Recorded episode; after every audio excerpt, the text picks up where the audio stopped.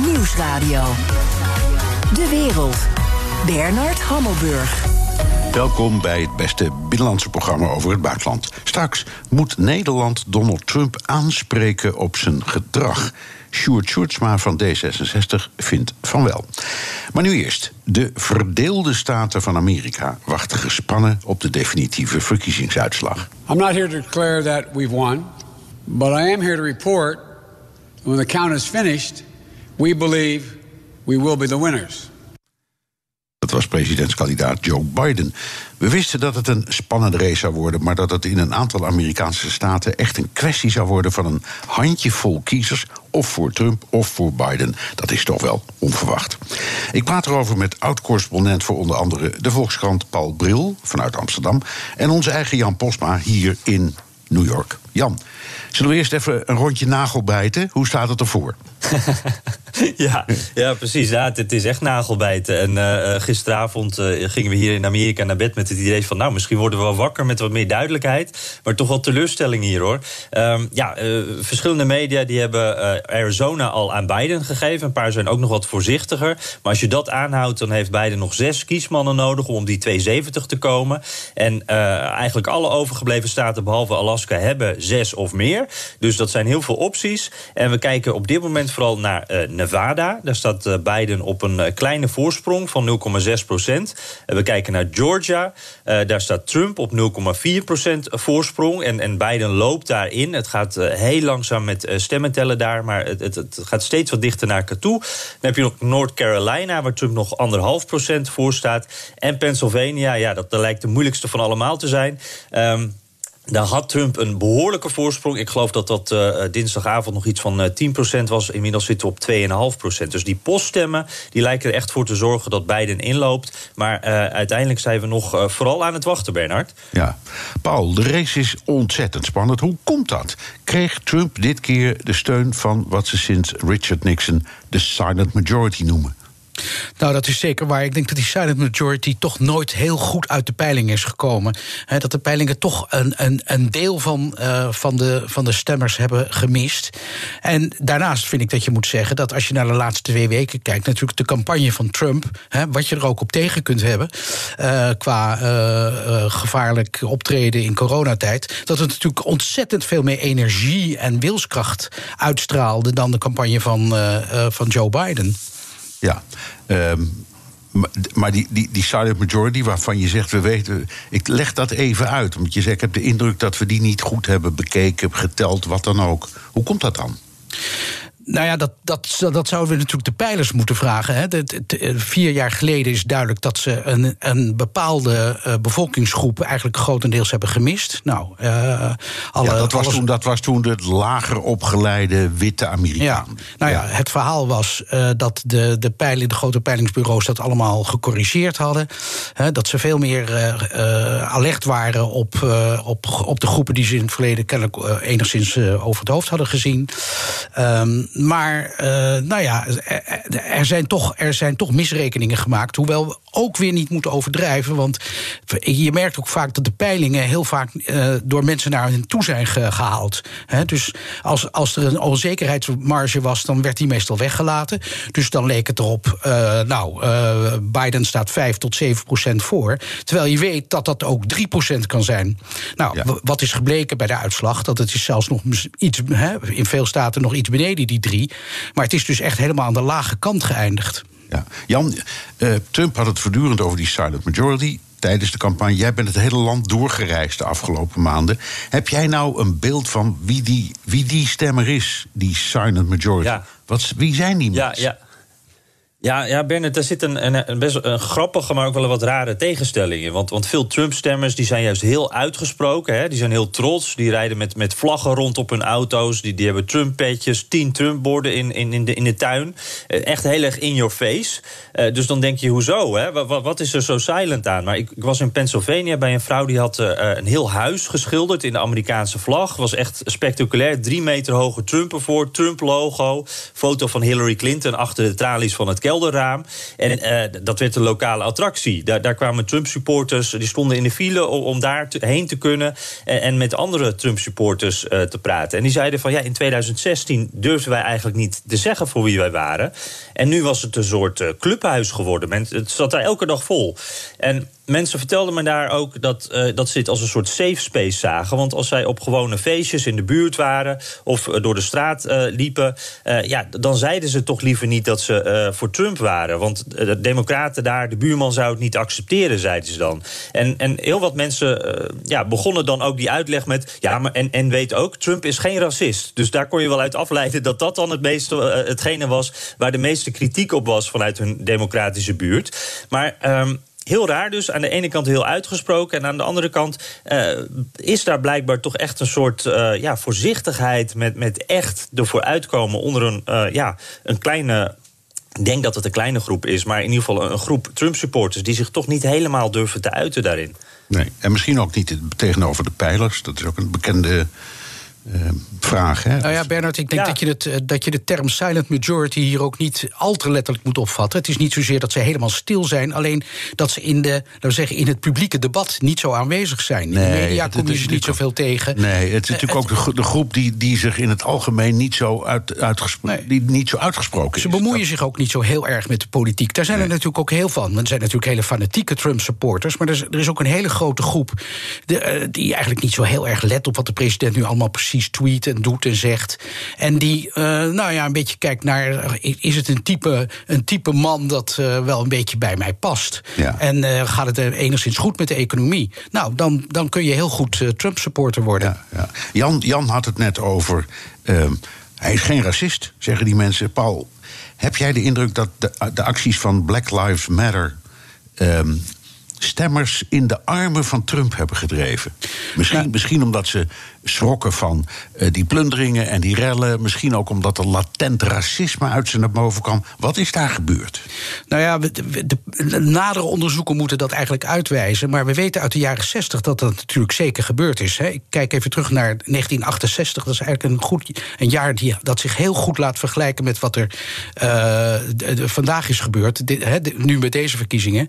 Uh, in 1968, nou, dat was het jaar van de grote catastrofe, zou je kunnen zeggen in Amerika. Uh, Robert Kennedy vermoord, Martin Luther King vermoord, Vietnamoorlog. Vanwege de moord, vooral op Martin Luther King, enorme raciale rellen, enorme spanningen. Veel meer doden dan er dit jaar zijn gevallen. Um, ja, en toen uh, heeft Richard Nixon als de Republikeinse presidentskandidaat, laten we zeggen, die angst voor verdere onrust, voor, voor ja, vernielingen, voor uh, het, het, het, het verder ontregelen van het hele leven, heeft hij enorm gebruikt. En dat heeft gewerkt. Daar heeft hij ja. absoluut de verkiezingen mee gewonnen. Ja, en zijn tekstschrijver Pat Buchanan was de uitvinder van die term silent majority. Absoluut, en die is zeer, zeer goed gebruikt. Want hij zei, de silent majority, dat zijn de Amerikanen die gewoon werken... en die gemeenschapszin hebben en die voor elkaar opkomen... en die uh, nou ja, vooruit willen in het leven... en die niet bezig zijn met de boel te vernielen. Ja. Uh, Jan, die mensen die misschien um, zijn geschrokken van Black Lives Matters, ik noem maar wat. Hè. Um, zijn dat de mensen die uh, Trump um, in, in, in die rallies over de streep heeft getrokken? Ja, dat, dat zou wel kunnen hoor. Het, ik, dat Black Lives Matter, daar, daar hoor je eigenlijk vanuit uh, de, de, Republikeinen die ik spreek steeds hetzelfde over. En dat sluit inderdaad aan bij wat Paul ook zegt. Van, uh, het is, uh, wij willen gewoon verder met, met dit land. ik ben gewoon hard aan het werk. Ik wil gewoon vooruit in het leven. En Black Lives Matter is eigenlijk meer een soort manier om, om, om obstructie te plegen. Om de boel stil te zetten. En, en, en dat we juist niet verder komen in dit land. En dat, dat is wel iets. Daar zit echt veel frustratie bij die Republikeinse stemmen. Maar die zien het echt als een manier om de boel eigenlijk eventjes uh, ja, flink te verpesten. En, en zien ook niet uh, ja, de problemen die natuurlijk de Black Lives Matter demonstranten... Die, die, dat aan willen kaarten, dat zien zij ook echt niet als problemen. Zij zien dat echt als een soort strijd tegen de politie... strijd tegen de orde, eigenlijk strijd tegen hun manier van leven... de Amerikaanse manier van leven. Dus dat botst heel duidelijk. Ja, ik, ik, ik wil jullie allebei een, een, vraag stellen over die verdeeldheid. We hebben het daar ook steeds over. Is dat nu erger dan ooit? Die, die haat, zal ik maar zeggen, die je ziet tussen Democraten en Republikeinen. Jan, als jij met kiezers sprak de afgelopen tijd, hoe diep is die verdeeldheid? Nou ja, ja het, het, is, het klinkt bijna als een cliché inmiddels, maar het is echt wel diep hoor. Eh, eh, even een voorbeeldje. In, in de villages in, in Florida, dat, dat bejaardenparadijs daar, hè, daar gaan echt letterlijk 70-plussers met elkaar op de vuist vanwege Donald Trump. Dat is ongelooflijk. Volwassen mensen. Ze zeggen zelf ook: dit is belachelijk. Maar het moet, want uh, ja, ik, ik, we zijn het gewoon niet eens. En ik sprak daar bijvoorbeeld met een man die al sinds maart zijn dochters niet meer had gesproken. Die waren allebei getrouwd met Trump-supporters. Uh, en ze hadden gewoon, ja, maar bedacht, want dan moeten we maar tot tot na november, en dat zal dus nog wel eventjes duren voordat dat eh, weer kan, maar tot na november maar niet met elkaar praten. Uh, het is echt belachelijk, maar het verscheurt, verscheurt echt uh, gezinnen. Uh, hun ja. politiek is echt hun identiteit voor, voor veel Amerikanen op dit moment. Ja, Paul, hoe zie jij dat, die, die, die, de, de omvang van de verdeeldheid? Ja, nou, ik moest denken, ik was, we praten nu over de vroege middeleeuwen. In 1964, 1965 exchange student in Michigan. En ik, ik was dus, zeg maar, pleegzoon van een gezin. Dat was een zeer republikeins gezin. Vader dus en moeder, allebei stemden republikeinen. Goldwater mensen, neem ik dat, aan. Dat waren, ze stemden ook op Goldwater. Niet zozeer ja. omdat ze zo dol op hem waren, maar ze waren republikein. Want ze, ze wantrouwden de Democratische Partij. De Democratische Partij was de partij van het zuiden. Hè. Ja. Dat, dat, dat sentiment speelt ook nog steeds. De Democratische Partij uh, was, uh, was de partij die handouts, hands-out deed. Hè. Van die, die gaf maar uitkeringen uit aan mensen die niet wilden werken. Maar uh, mijn, uh, mijn uh, pleegvader ging naar clubs toe waar hij ook democraten tegenkwam. En daar ging hij wel gewoon amicaal en vriendelijk mee om. Dus laten we zeggen, er was toch in het, in het dagelijkse verkeer was er een, een, respect en nou ja, ook wel een zeker onderling vertrouwen. En ik heb het gevoel dat dat nog verder is, is afgenomen. Ja, ik moet denken aan een krantenkop waar Jan en ik het ook al over hebben gehad de afgelopen dagen. Ehm, She isn't my mother anymore. Dat ja. vond ik echt een prachtige. Ook wel treurig, hè? Ja, ook heel treurig. Ja. Jan, dankjewel. Wij, wij spreken elkaar nog. Dit is BNR De Wereld. En ik praat verder met oud-correspondent Paul Bril. We were getting ready to win this election. Frankly, we did win this election. Trumpisme heeft de Amerikaanse politiek en de samenleving flink opgeschud en heeft Trump daar dus werkelijk mee gewonnen. Paul, wat is volgens jou nou precies dat Trumpisme en wat is de aantrekkingskracht van die beweging voor veel Amerikanen? Ja, ik denk dat je Trumpisme moet zien als de Amerikaanse variant van het populisme. Dus het, het, het wijkt ook weer niet zo verschrikkelijk veel af van wat wij gewoon in Europa ook uh, nou, in hevige mate bij ons hebben. Uh, alleen het heeft natuurlijk een aantal specifieke kenmerken. En ik denk dat misschien wel het allerbelangrijkste kenmerk is dat het uh, naast een enorme afkeer en wantrouwen in het establishment, nou ja, dat, dat geldt voor populisten all over, dat het ook een hele groot wantrouwen heeft in de overheid. dat is sowieso natuurlijk een heel erg Amerikaans sentiment. Van ja. uh, uh, blijf van me af, uh, ik kan het zelf. Um, Ronald Reagan zei ooit: de overheid is niet een deel van de oplossing, de overheid is deel van het probleem. Hij, hij, maakte het nog mooier. Hij zei: een van zijn gevleugelde uitspraken was: de ergste, geloof ik, negen of tien woorden in het Engels zei: als je iemand aan je deur komt die zegt: I'm from the government government and I'm here to help you. He, dus nou ja, dat, dat, dat sentiment dat zit ook heel erg in, het, in, uh, in de Trump-beweging. Ja. Um, kun je zeggen dat, dat ook. Uh, je hebt het altijd over die flyover zone, hè, dat, dat grote middenstuk van Amerika. waar mensen zich altijd weinig gehoord hebben gevoeld. Kun je zeggen dat is nu precies die, de markt die, die um, Trump goed heeft weten aan te boren. En daarmee samenhangend, hoe zit het met de andere groepen? Want je hoort dat hij bijvoorbeeld ook onder Latino's goed scoort. En ook onder een deel van de zwarte. Ja, nou ja, dat, dat zwart is natuurlijk nog steeds een hele kleine minderheid. Het is iets toegenomen. Het is, het is, het is heel erg verdeeld. Uh, ik, ik, keek, uh, voor zover de cijfers al bekend zijn, even naar waar uh, Trump onder, onder zwarte kiezers enige vooruitgang heeft geboekt. Dat is gek genoeg vooral in Florida. Ja. Hè, dus in, in, in Miami. in het Middenwesten heeft hij toch juist weer een stapje terug moeten doen, omdat daar de zwarte bevolking beter is opgekomen. De zwarte de kiezer beter is opgekomen dan vier jaar geleden. En daar heeft Biden van geprofiteerd. Dus het beeld is wel een beetje gevarieerd. Maar ik denk dat uh, in, de, in de Latino-gemeenschap, uh, denk ik dat zijn, zijn conservatieve uh, waarden, zijn conservatieve opvattingen, zijn conservatieve moraal, dat dat, dat, ja, dat, dat, dat spreekt aan. Ja, en hoe zit dat nu in de partij? Omdat in, in, in 2016 zijn een heleboel Republikeinen, ja, die, die Trump is een beetje een rare man. En die heeft nu, die heeft nu tot onze verbazing de kandidatuur gewonnen. En die, die heeft een goede kans om president te worden. Um, maar we temmen hem wel en we sturen hem wel bij. Inmiddels heeft hij zo'n beetje de hele partij in de greep. Kun je, kun je zeggen dat hij nu de ideoloog is geworden van de partij? Ja, voor zover je hem een ideoloog kunt, kunt, uh, kunt noemen. Hè, want ja, het, het, een ideologie, het is eigenlijk haast meer een sentiment. Uh, het, is een, het is een gevoel, het is een levensgevoel en het is een levenshouding. die heel agressief is en die tegen iedereen aanschopt en iedereen voor rot scheldt.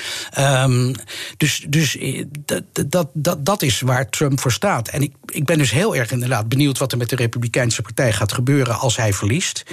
Uh, dan hangt het er enorm af van wat gaat hij doen. Treedt hij helemaal eh, van het nationale toneel af? Of, of creëert hij een, een eigen podium voor zichzelf? Ja, een televisiestation. Dat, heeft dat zou, al precies, dat zou heel goed kunnen. Kijk, dat, wordt, dat, dat is echt niet te voorspellen, omdat toen hij in 2016, als hij in 2016 had verloren, was het voor hem niet een persoonlijke uh, nederlaag geweest. Dan was het altijd een uphill battle geweest en een, en een wonder als hij het had gewonnen. Nou, had hij het niet gewonnen, was dat, uh, nou, had hem dat niet geschaad. Nu is het wel degelijk een afwijzing van zijn presidentschap, van de manier waarop hij het heeft gedaan, als hij het ja. verliest, hè, moet, gaan we even nu even vanuit. Nou ja, dan, dan denk ik dat hij een enorme klap krijgt. Want dit is natuurlijk een man die zijn ego is zo enorm groot en alles draait om hem. Dus als hij is afgewezen, dan nou, ik denk dat hij daar een, een behoorlijke klap van krijgt. Ja, maar het kan, hij kan ook doen wat uh, Glover Cleveland heeft gedaan in, in de 19e eeuw. Die, heeft, die, die was één termijn president, verloor toen en kwam daarna weer terug. Ja, maar goed, een wonder van beschaving, hè, deze Grover Cleveland. Ja als het vergelijkt met Donald Trump. Ja, dat is waar. En van een totaal andere makelij. Ja, oké, okay, even. Eigenlijk, je kunt zeggen, tot, tot Trump was de Republikeinse Partij toch een beetje de partij van Reagan. Dat, dat was de laatste, denk ik, Republikein met een echte doctrine, een, een economische comp component, de trickle-down-economie, um, de Shining City on the Hill. Um, dit Trumpisme is veel harder. Um, kun je zeggen dat nou ja, dat, dat, dat het Reaganisme nu is verdwenen en is vervangen door het Trumpisme? Nou ja, op korte termijn wel. Uh, nou ja, je weet net zo goed als ik dat uh, golfbewegingen in, in Amerika kunnen heel snel gaan. Hè? Dus in 1980 had je de overwinning van Ronald Reagan, zijn eerste, zijn eerste grote overwinning.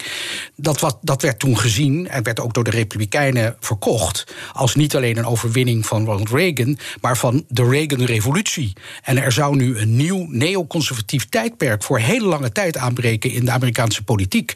Tja, in 1982 wonnen de Democraten alweer de verkiezingen in het Huis van Afgevaarden. En in 1986 ook de Senaat. Nou, het duurde nog even voordat ze het Witte Huis hadden heroverd. Maar die, die bewegingen, het kan een tijd duren, maar het kan ook over twee, vier jaar weer anders liggen. En de vraag is, denk ik, bij de Republikeinse Partij op dit moment is van wie stapt er nu naar voren om met een soort alternatieve uh, ideologie of alternatief programma te komen. Nou, die mensen zijn er wel. Ik, ze zijn nu nog, denk ik, nationaal te weinig bekend. Maar je hebt mensen als Ben Sasse, de senator uit Nebraska. Die staat toch voor een ander soort conservatisme dan uh, Donald Trump. Ja. Um, er zijn een paar thema's, want je, je trok al een vergelijking met het populisme, bijvoorbeeld ook in Nederland, maar elders, dat ziet u in Europa ook. Dat gaat dan over globalisering. Um, het gaat over um, meer denken aan je eigen belang. En, en, en Trump, Trump noemt dat dan America First, maar je, je hebt eigenlijk, je ziet ook in Europa allemaal van dat soort bewegingen. En, en sommige mensen zeggen, ja, dat is helemaal niet zo rechts of conservatief, dat is eigenlijk bijna linksig. Dit Ja. soort opvattingen. Ja, nou ja, nou, nou, nou weten we dat in, in, in Nederland eh, hè, de PVV natuurlijk eh, eh, op economisch, sociaal-economisch gebied standpunten heeft die je, ja, die je wel links zou kunnen noemen of, of dicht tegen links aan.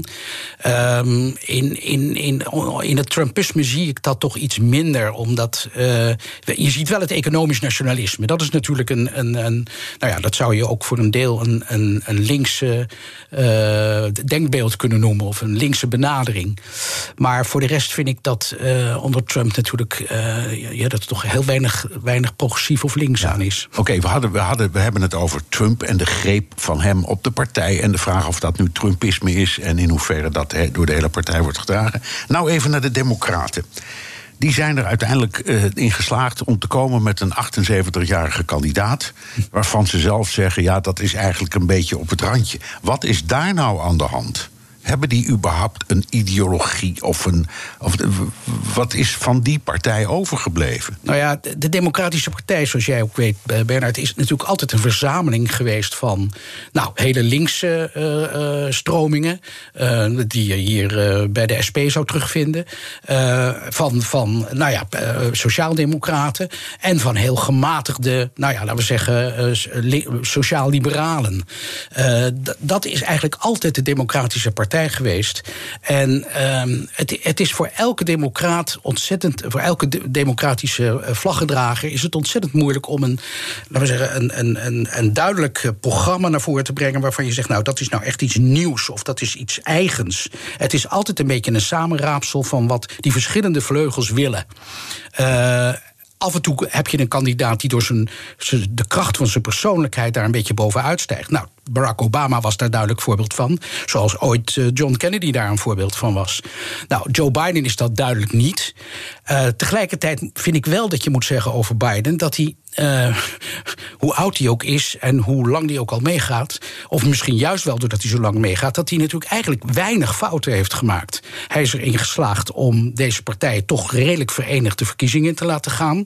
En Zijn campagne heeft hij, nou, heeft hij een vrij rechte lijn gevoer- gevoerd. Hij heeft geen rare eh, uitglijders gemaakt. Nou, een paar kleine versprekingen, maar voor zijn doen heel erg weinig.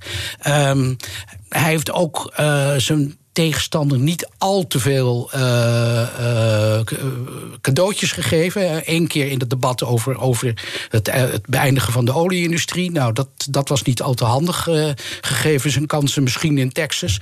Maar voor de rest heeft hij het natuurlijk puur politiek tactisch gezien eigenlijk tot nu toe vrij goed gedaan. Ja, dus ja, ik denk dat. En hij is ook wel in staat om goede mensen om zich heen te verzamelen. Dus misschien dat daaruit toch Ja. iets voortkomt van een nieuwe richting. Oké, no- kort nog even één dingetje. Want je je zegt, je heeft het best goed gedaan. maar in het Huis van Afgevaardigden is de, de, de, de meerderheid van de Democraten gezakt. Nou, daar hadden ze helemaal niet op gerekend. Nee. Ze hadden gehoopt dat ze misschien de Senaat kunnen pakken. Ook mislukt. Dus ja, dat leiderschap zo inspirerend is klaarblijkelijk niet geweest. Nee, nee, inspirerend zou ik het ook zeker niet willen noemen. En het, en het valt een beetje tegen. Maar goed, dat valt natuurlijk. Ik bedoel, de uitslag voor hem zelf valt ook een beetje tegen. Hè. Ze- Bij de Democraten is het toch gedacht, nou, dat ze toch wel met een, eh, met een verschil van zo'n 100 eh, eh, stemmen in het, het kiescollege zouden winnen. Nou, het worden er eh, maximaal eh, t- 20 tot 25. En dan, dan Ja. mogen ze nog blij zijn. Mogen nog blij. En dat misschien, misschien nog minder. waarschijnlijk af van één staat. Ja. Dat is ook wel apart, hè? Ja. Dus, Ja. dus dat weerspiegelt zich natuurlijk ook in de eh, verkiezingen voor de Senaat en het Huis van Afgevaardigden. Daar komt bij dat in het Huis van Afgevaardigden ook nog weer eens een stokoude leider zit. Hè. Dat is ook niet heel erg Nee, inspirerend. Nancy, het is een geriatrische inrichting. ja, en die wil nog hè? een keer. Ja, goed, dankjewel. Oud-Amerika-correspondent Paul Bril. Wilt u meer horen over de verkiezingen? Jan Postma en ik leggen de laatste hand aan een extra editie van de Amerika-podcast. BNR Nieuwsradio. De wereld. Bernard Hammelburg. In Brussel is een akkoord gesloten om de subsidiekraan dicht te draaien voor EU-landen die de Europese waarden ondermijnen. EU-landen kunnen financieel gestraft worden voor het ondermijnen van Europese waarden. Daarover is een akkoord gesloten. Dus als ze in Polen de rechtsstaat of in Hongarije de persvrijheid ondermijnen, gaat de EU-subsidiekraan dicht. Europa-afslegger Jesse Pinser, hoe streng zijn die afspraken? Ja, dat zal moeten blijken als ze werkelijk uitgevoerd worden. Dit, dit mechanisme, zoals het uh, dan heet. Kijk, er zijn altijd wel twijfels over. Van ja, um, gaan ze dit ook wel echt doen. Weet je, je kan het middel hebben om landen hard aan te pakken waar rechters onder druk staan, de media onder druk staat, universiteiten, minderheden. Maar uh, wordt het straks ook echt uitgevoerd? Kijk. Um, het is in ieder geval zo dat het nu er een akkoord met het Europees Parlement, een voorlopig akkoord met het Europees Parlement, is dat het iets strenger geworden is dan het uh, oorspronkelijk was. En uh, als je dan naar de tekst gaat kijken, wat staat er dan eigenlijk van? Ja, als er misbruik dreigt, en dreigt is een belangrijk woord hierin. Als er misbruik dreigt van EU-gelden, dus die subsidies, bijvoorbeeld omdat de rechtspraak niet onafhankelijk is, dan kan dit mechanisme in werking eh, treden en uiteindelijk kan dat dus leiden tot het verlies van die subsidies. Nou, dat woordje dreigt is volgens mij belangrijk, omdat ze daarmee in ieder geval zeggen van je hoeft niet keihard te bewijzen dat het een met het ander te maken heeft, dat je een rechter onder druk zet, dat dat impact heeft op die landbouwsubsidies die uh, uitgegeven worden. Maar als er dreigt een link te zijn, nou, dan kan je al uh, iets gaan doen. Tegelijkertijd, als ik dan weer heel nauwkeurig door die tekst ga, zie ik daar ook wel weer ruimte om daar heel veel discussie over te gaan hebben. Want ja, er moet wel een link zijn tussen die twee. dus het ja. moet duidelijk zijn dat, er, dat het er iets mee te maken heeft. Hè, dan. Ja, dus weet je, dus, dat laat altijd natuurlijk. En je kan dat niet helemaal dichttimmeren in zo'n tekst. Dus ja, uh, zoals ze dan zeggen, de, de, de, de proof is in the eating of the pudding, hè? Is het volgens mij? Ja, ja op die op die hele lange, ellenlange EU-top over de begroting was er al toch een soort akkoord? Ja, maar dat was toen wel heel erg uh, vaag. Ook omdat ze eigenlijk Viktor Orban niet al te boos wilden maken, om het simpel te zeggen. Kijk, dit is een heel belangrijk punt voor de Nederlandse regering. Dat die link daar komt. Omdat, en ik zat echt een paar minuten geleden nog te luisteren naar Michael Stibbe. Dat is de Sherpa van premier Rutte. Dat is eigenlijk zijn belangrijkste EU-adviseur. Die echt nou ja, met echt die onderhandelingen ook voert tijdens Europese toppen. Nou, die uh, uh, gaf dat net ook nog eens aan hoe belangrijk dit punt voor Nederland is. Omdat het gewoon, zij zien het echt als een bedreiging voor de EU, als, een, als de rot in het systeem. Nou, de strategie van Rutte was. Uh, in de zomer, dit is het maximaal haalbare op dit moment. En nou hopen dat het Europees Parlement, die ook zijn zegje moet doen, wat dus nu gebeurd is in de afgelopen weken, want er is stevig over onderhandeld, dat die ervoor gaan zorgen dat het echt heel streng geworden is. Nou, dat is volgens mij tot op zekere hoogte gelukt. Of ook het Nederlands Parlement, want die hameren hier ook op, uh, daar gelukkig mee uh, gaat zijn. Dat is misschien een vraag die jij aan je volgende gast moet stellen, want D66-Kamerlid ja. Sjoerdsma, die ja. heeft zich hier heel druk om gemaakt. Ja, zijn het straks de boeren en bedrijven die EU-subsidies ontvangen die de rekening moeten betalen, Jesse? Ja, dat zou je natuurlijk kunnen denken. En dan is er een, een, een regering in Warschau, om maar zo'n voorbeeld te noemen, bezig om de rechtsstaat uh, uh, toch een kopje kleiner te maken. Dan zegt Europa, je krijgt geen geld meer. Dan zeggen ze, nou ja, ach, dat is dan jammer voor onze boeren. Um, zo simpel gaat het niet werken. Daar heeft het Europees Parlement een stokje voor gestoken. Dat ze de regering in Warschau, die moet dan die subsidies gewoon blijven betalen aan die bedrijven, die MKP-bedrijven, die misschien de subsidie ontvangen. Terwijl de kraan dus in Brussel dicht gaat. En nou ja, mochten ze dat niet doen, dan heeft de Europese Commissie weer wat middelen om te kijken of ze uh, nou ja, toch ervoor kunnen zorgen dat dat wel gewoon gebeurt. Maar het is wel de bedoeling dat die subsidies gewoon naar de eindbestemming blijven gaan. Ja, nu is het een voorlopig akkoord. Het kan dus nog zijn dat het mm. helemaal niet doorgaat. Zoals dat altijd kan bij uh, Europese besluitvorming, volgens mij. Ja, de lidstaten moeten hier nog mee gaan instemmen. Die hebben geen veto, dus het kan niet zo zijn dat Polen en Hongarije dan zeggen: nee, dat uh, willen we niet, dit mechanisme. Uh, waarschijnlijk wel weggestemd. Ook het Europees Parlement moet daar nog mee akkoord gaan. Alleen er is nog een extra punt wat het weer wat complexer maakt. En dat is dat het onderdeel is van de hele Europese begroting. In dat corona-herstelfonds, wat ze van de zomer dus uh, hebben afgesproken. Dus het hangt daarmee samen. Daar krijgt iedereen nog wel een zegje over. Dus ook een Nederlands parlement bijvoorbeeld. Dus die kunnen ook nog zeggen van ja, we vinden het niet streng genoeg. Dus we gaan niet akkoord met de hele begroting. Maar goed, dan krijg je de situatie dat er geen begroting is. Dat al dat extra geld, die misschien juist nu heel hard nodig is midden in in de coronacrisis dat dat ook niet los gaat komen. Dus nou, je moet zien of dat zo hard gespeeld wordt. Ik heb wel even net de eerste reacties vanuit Hongarije die binnenkomen gezien. minister die roept al dat het politieke en ideologische chantage van het Europees Parlement is. En de staatssecretaris die zegt al dat het Europees Parlement levens in gevaar brengt, omdat dan het corona-herstelfonds straks uh, niet in werking kan treden. Dit is een beetje de klassieke mediastrategie vanuit de Hongaarse regering: ja. dreigen, jij bakken, verdraaien. Dus ik wil eerst nog wel eens zien ja. of uh, ze ook fantastisch. Als jullie dit doen, vallen er doden. Dank, Europa-verslaggever Jesse Pinster.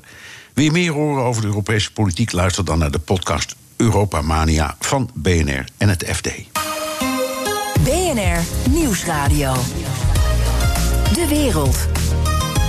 Voorzichtig uiten de eerste politici, Europese politici hun zorgen over de Amerikaanse verkiezingen. Das ist eine sehr explosive Situation. Es ist eine Situation, von der die Expertinnen und Experten zu Recht sagen, sie kann zu einer Verfassungskrise in den USA führen.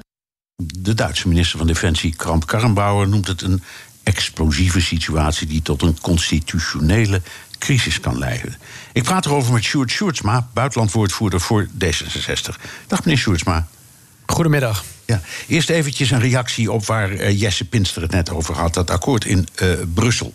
Um, er komt nou een soort rechtsmechanisme in de Europese begrotingen. Landen die Europese waarden schenden kunnen fluiten naar een Europese subsidie. Althans, ik denk dat dan de soep niet zo heet wordt gegeten. Maar is dit een stap op de goede, in de goede richting?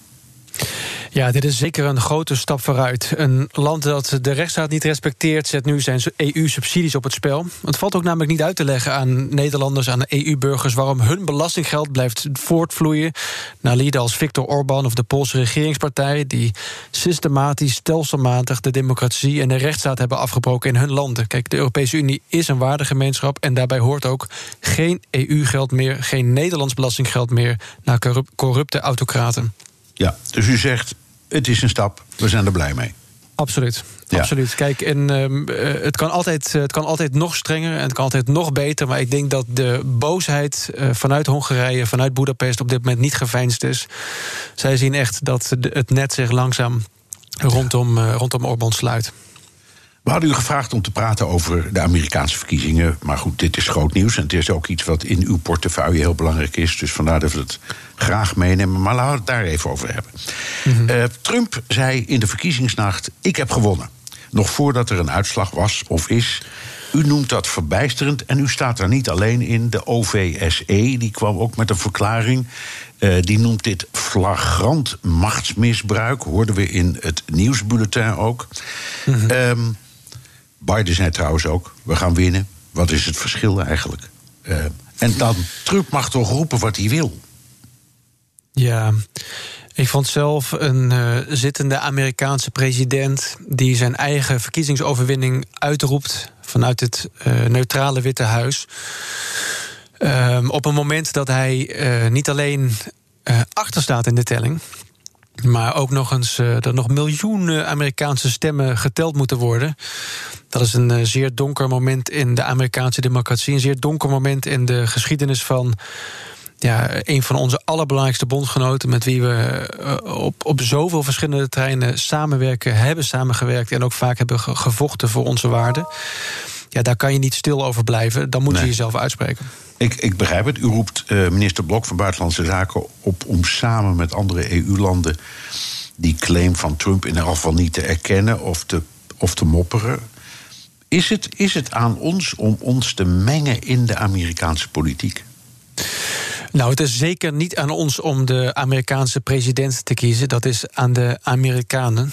Uh, maar het is wel aan ons om uh, niet alleen landen die, buurlanden zoals Belarus, waar we dit soort uitingen ook richting hebben gedaan, toen daar de president de verkiezingen probeerde te stelen. Maar het is wel aan ons om dat ook bij bevriende naties zoals de Verenigde Staten te doen, omdat wij ons allemaal hebben verbonden aan bepaalde internationale principes en ook aan de eigen grondwet. En op het moment dat vrienden van, van ons, vrienden van jou, op het verkeerde pad dreigen te komen, dan denk ik dat het ons past om ons daarover uit te spreken. Net zoals de OVSE dat nu ook doet. Ja, goed, maar dan, dan bepaalt u of de OVSE of eh, minister Blok, als hij naar u luistert, wat goed en fout is. En dat dat een verkeerd pad is. Ik, ik, ik begrijp wel dat u het zegt, maar het is nog wel. Hij, hij overtreedt geen wet. Het is alleen maar iets wat, wat je misschien onfatsoenlijk kunt noemen, maar er is geen enkele wet overtreden. Nou, wat gevaarlijk is, en dat is denk ik uh, iets wat we eh, hier ook wel in Nederland zien, is dat dit soort uitspraken feitelijk de ondermijning van de democratie, zijn, democratie is. Uh, als je ervan uit wil gaan dat als je een stem uitbrengt, dat die niet alleen geteld wordt, maar ook gehoord wordt, dan is het ongelooflijk om te zien dat een president van de Verenigde Staten besluit om die stem niet eens meer te willen horen, omdat hij zichzelf tot, verkiezen, tot overwinnaar uitroept. En dan kan je zeggen, ja, daar moet je je niet mee bemoeien, maar dat is typisch iets wat de Europese Unie, maar wat ook de OVC nadrukkelijk wel doet bij verkiezingen. Wij nemen verkiezingen waar om ervoor te zorgen dat er wordt voldaan aan de internationale afgesproken standaarden. En als dat niet gebeurt, en dat is hier overduidelijk. Het gaat niet over een wet, maar gaat over internationale verkiezingsstandaarden. Ja, dan moet je je uitspreken. Ja, en dan mag u ook, net zoals uh, misschien Trump mag zeggen wat hij doet. Even het volgende. Er zijn uh, heel wat Amerikaanse congresleden, dat zie je in, de, in, in congresverkiezingen ook vaak. Uh, die vinden Nederlanders uh, met, uh, wij hadden de eerste euthanasiewet, we hadden een abortuswet. Die vinden ons massamoordenaars, kindermoordenaars.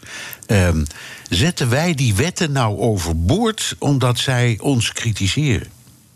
Nee, dat doen we op geen enkel moment. Nee. En waarom um, zou Trump, ik, dat, dat waarom zou Trump en zijn team daar zich dan iets moeten af, uh, aantrekken van uh, Sjoerd Sjoerdsma of de, of de OVSE of uh, minister Blok als een paar Nederlandse of Europese parlementariërs mopperen? Nou, daar hoeft, daar hoeft Trump zich ook helemaal niks aan gelegen te laten. En we hebben de afgelopen vier jaar, denk ik, ook eh, in vrij genereuze mate gezien dat Trump zich überhaupt niet gelegen laat aan wat zijn bondgenoten zeggen. Nog in positieve zin, nog in kritische zin. Hij heeft alles gedaan om dat bondgenootschap tussen de Europese Unie en Nederland en de Verenigde Staten te ondermijnen. Dus nee, die verwachting had ik zelf niet. Maar ik vind het wel een verplichting naar, van ons zelf uit naar de gewone Amerikanen. Omdat onze band met Amerika natuurlijk veel dieper gaat dan alleen, deze vier jaar Trump.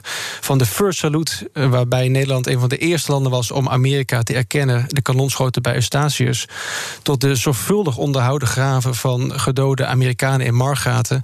Die relatie met de Verenigde Staten die is diep, persoonlijk, emotioneel en ook economisch.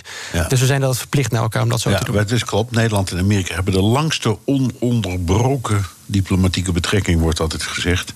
Klopt. Want als je dat woord er niet aan toevoegt, dan, dan is Frankrijk geloof ik nummer één. Maar oké. Okay. Ja. Ja. ja. Bij, wie wil, bij wie wil u nou die kritiek overbrengen en wat gaat u zeggen? Nou, weet u, kijk, ik denk eerlijk gezegd, uh, dit speelde met name gisteren. Uh, als je kijkt naar de stand van vandaag, dan moeten we denk ik constateren dat inmiddels het speelveld er toch heel anders uitziet. Dat terwijl de laatste stemmen geteld worden in bepaalde swing states, dat Biden onderweg is naar die 270 zetels. Uh, en dat we dat ook eventjes moeten afwachten hoe dat nu, hoe dat nu verder verloopt. Het belangrijkste daarna is. Maar wacht even, wacht even, dat heeft ook iets, mag ik dat zo zeggen? Dat heeft ook wel iets hypocriets. Als Biden wint, dan bent u benadering niet meer zo boos. Nee, oh, nee dat, dat, absoluut niet. Maar het moment om dat signaal te geven, om dat signaal ook helder te geven, was gisteren. En op het moment dat je dan weer dagen eroverheen laat, laat gaan, zoals Rutte helaas heeft gedaan, dan, dan heeft het niet zo heel veel zin meer om dat te doen. Kijk, nee. dat stelt me op zich ook een beetje teleur van onze eigen premier. Die wilde gisteren niet reageren op deze uitspraak van de president. Maar hij was er wel in 2016 een van de eerste om klip en klaar te zeggen dat hij vond dat we Trump een kans moesten geven. En ook ja. toen waren er al heel duidelijke signalen van waar deze president met zijn eigen land, maar ook met de bondgenootschappen naartoe wil. Dat is waar, maar hij had toen wel een staatsrechtelijk uh, argument. En hij, dat luidde ongeveer, als ik me goed herinner, al dus. Wij gaan er niet over wie een bevriend land als president kiest. En Klopt. het is de belangrijkste uh, bondgenoot. Dus we hebben daar maar gewoon mee om te gaan. Of dat nou meneer Trump wordt of iemand anders, dat doet er eigenlijk niet toe. Dat moet gewoon. Dat is toch ook waar? Dat moet ook. En dat is denk ik uh, ook de kern van wat D66 voorstaat. Je moet dealen met de situatie zoals die ontstaat.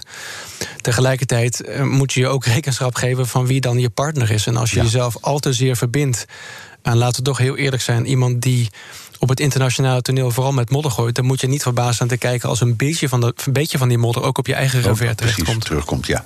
U was zelf vorig jaar in Pennsylvania. U zegt erover: ik snap uh, best dat Amerikanen daar niet voor de Democraten stemmen. Wat, wat hoorde ja. u daar van de kiezers?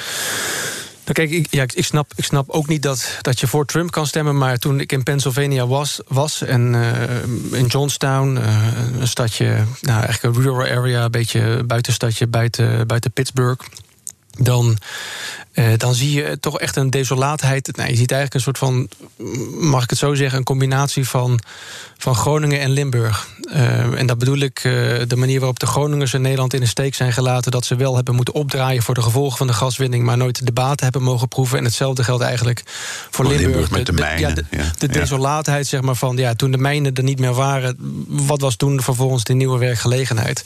Nou, dat zie je ook, dat zie je ook echt in die staat, in Pennsylvania, buiten de grote uh, stedelijke agglomeraties als Pittsburgh, zie je ja, dat het hart is uit die, uh, uit die steden en uit, en uit die dorpen gerukt. De werkloosheid is groot, het drugsgebruik is groot.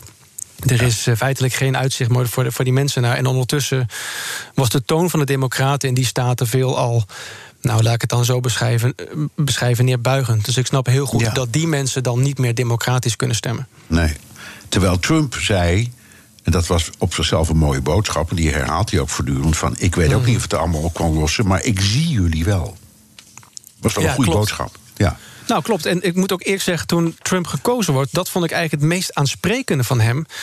Eh, Het feit dat, kijk, Make America Great Again heeft nou natuurlijk een sinistere ondertoon gekregen inmiddels. Maar destijds in 2015 of 2016.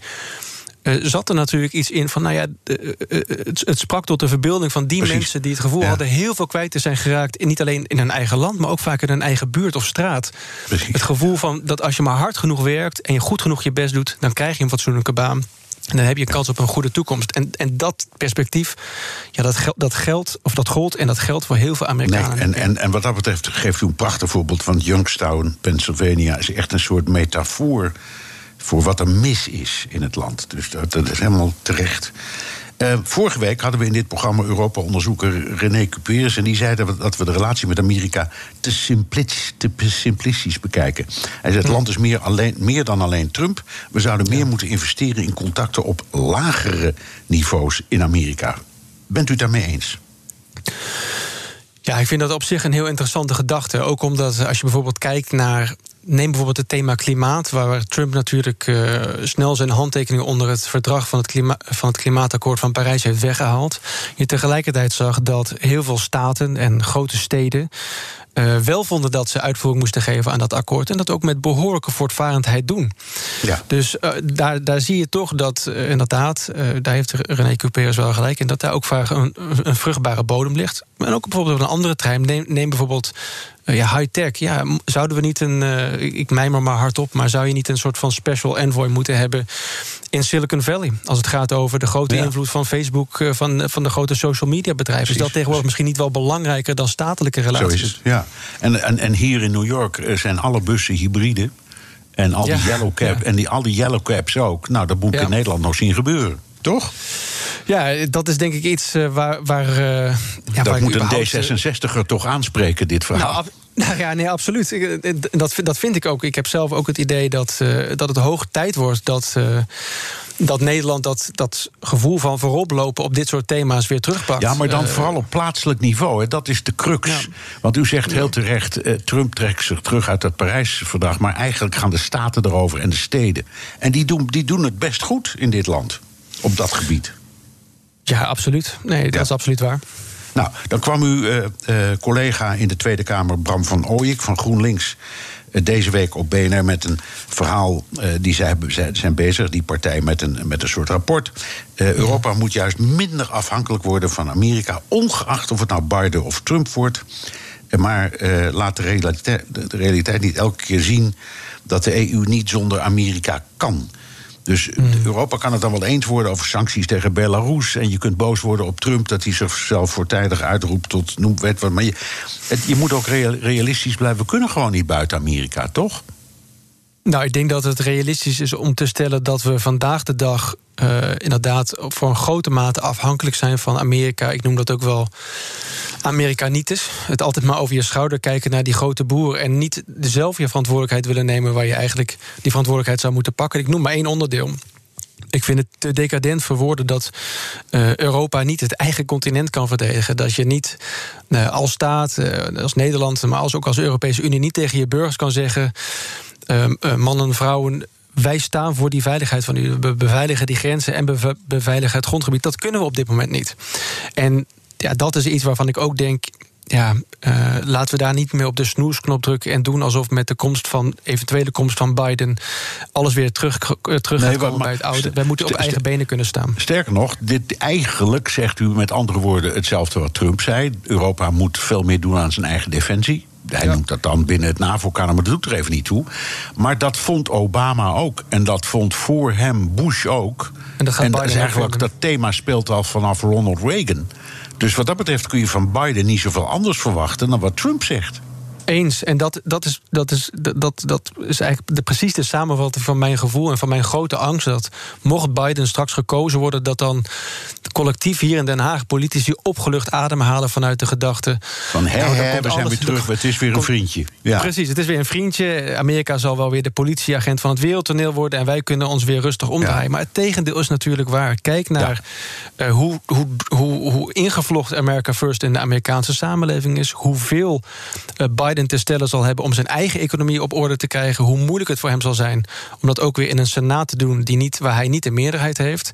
Ja, hij zal minder aandacht hebben voor het buitenland. Zijn toon dus- zal dus- beter zijn, maar de aandacht zal niet genoeg zijn. Dus Bram van Ooyek had best een punt, hè? Je, Absoluut. Je moet jezelf minder afhankelijk uh, maken. Het, is, het, was een, het was een mooi gedegen rapport. En u zegt, ik, ik vind mij daar wel in, begrijp ik dat?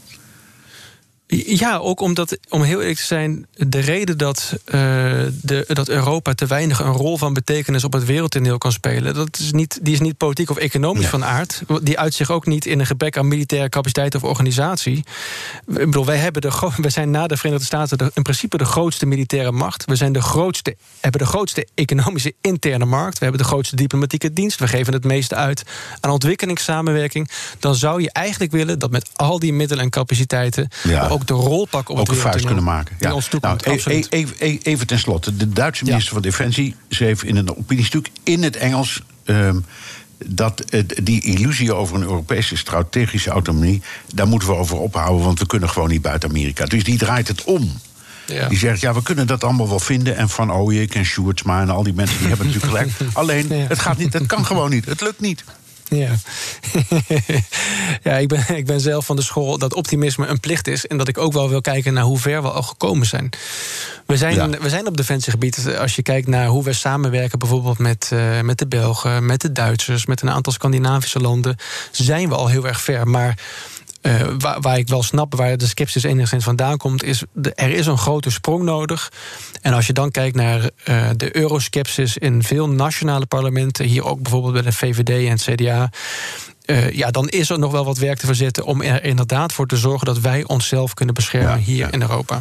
Ja, nou goed, misschien is de constatering dat je af en toe naar diplomaten moet luisteren. En zowel van Ooyek als u bent dat, hè, van oorsprong. Dus wie weet. Nou, was, was dat, hè? Was dat. Ja. Nou ja, maar dat, dat, dat krijg je nooit meer uit je genen, toch? Nou, uh, oud-collega's van mij zeggen wel eens dat ik, uh, dat, ik de, dat ik de diplomatie enigszins verloren heb. Maar ja. ik, uh, ik, ik neem dit als een compliment aan van u. Oké, okay. dank Sjoerd Sjoerdsma, buitenlandwoordvoerder voor D66. Tot zover BNR De Wereld. Terugluisteren kan via de site, de app, Spotify of Apple Podcast. Reageren kan via een mailtje naar dewereld.bnr.nl. Tot volgende